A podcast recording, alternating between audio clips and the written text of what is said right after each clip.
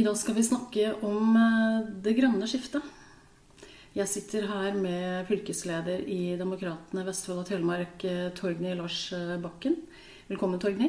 Tusen hjertelig takk. Um, den store markedsmanipulasjonen, hva legger du i det begrepet?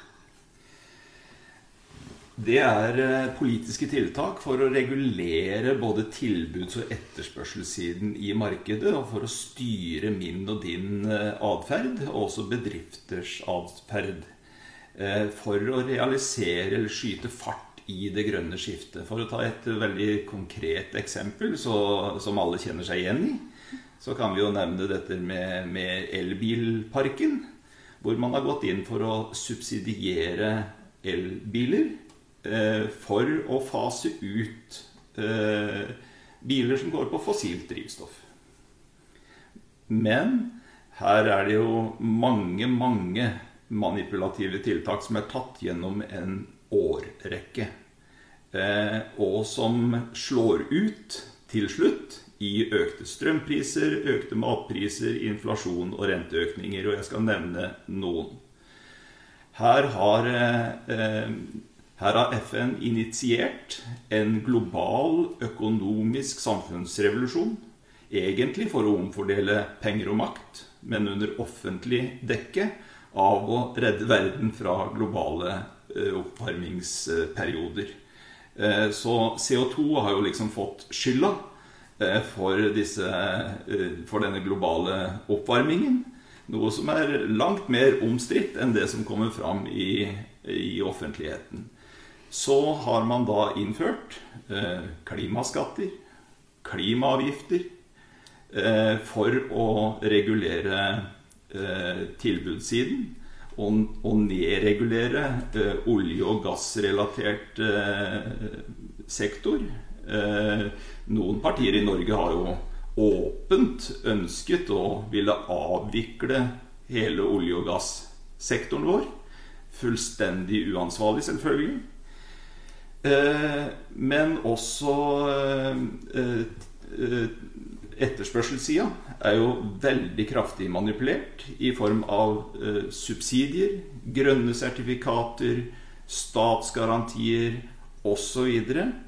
Eh, og i Norge, for å holde oss til innenlandsforhold, så har jo våre norske politikere også nektet å ta inn de norske skogenes CO2-opptak inn i det såkalte klimaregnskapet. Eh, et manipulativt eh, virkemiddel for å fremme vindkraft, for å gjøre det lønnsomt i markedet. Eh, og man har villig diskriminert norsk vannkraft under skattesystemet for å stimulere investeringer i norsk vindkraft. Også et markedsmanipulativt inngrep. Eh, så har man jo også ville elektrifisere norsk sokkel. Meningsløst, eh, skulle man tro. Men det er et grønt grep for å grønnvaske det norske CO2-regnskapet. Og det vi gjør, er selvfølgelig bare å eksportere eh, eh, eh de, de eh, røde tallene i regnskapet over på andre, andre land. Hva er egentlig målet med det grønne skiftet? Altså, du nevnte fordeling av ressurser under dekke av sosial rettferdighet. Men Hvorfor er det da slik at land eh, som India, Kina og Indonesia ikke er omfattet av denne ordningen? Dette har med maktforholdene i FN å gjøre. Den største maktblokken i FN har vært Sosialistinternasjonalen, eh, hvor vår egen Gro Harlem Brundtland for øvrig var meget sentral. Eh, dette er også episenteret bak klimahysteriet og bak hele FNs klimapolitikk. Eh, og eh, det er eh, en organisasjon som i helt siden tidlig 60-70-tall har klandret den rike, industrialiserte delen av verden for å i et sosialistisk verdensbilde, selvfølgelig, for å ha utnyttet de såkalte u-landene. Så at vi står i en slags gjeld til den øvrige delen av verden for å utjevne de økonomiske forskjellene.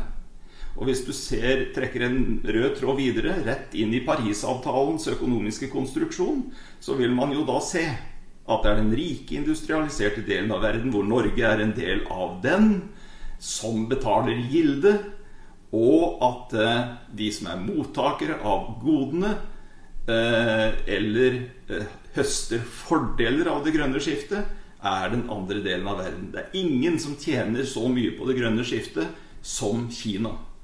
Når vi har en situasjon i dag med høye strømpriser osv. Som gjør at norske bedrifter går konkurs, så er det ingen som tjener så mye på det i det lange løp som det Kina gjør.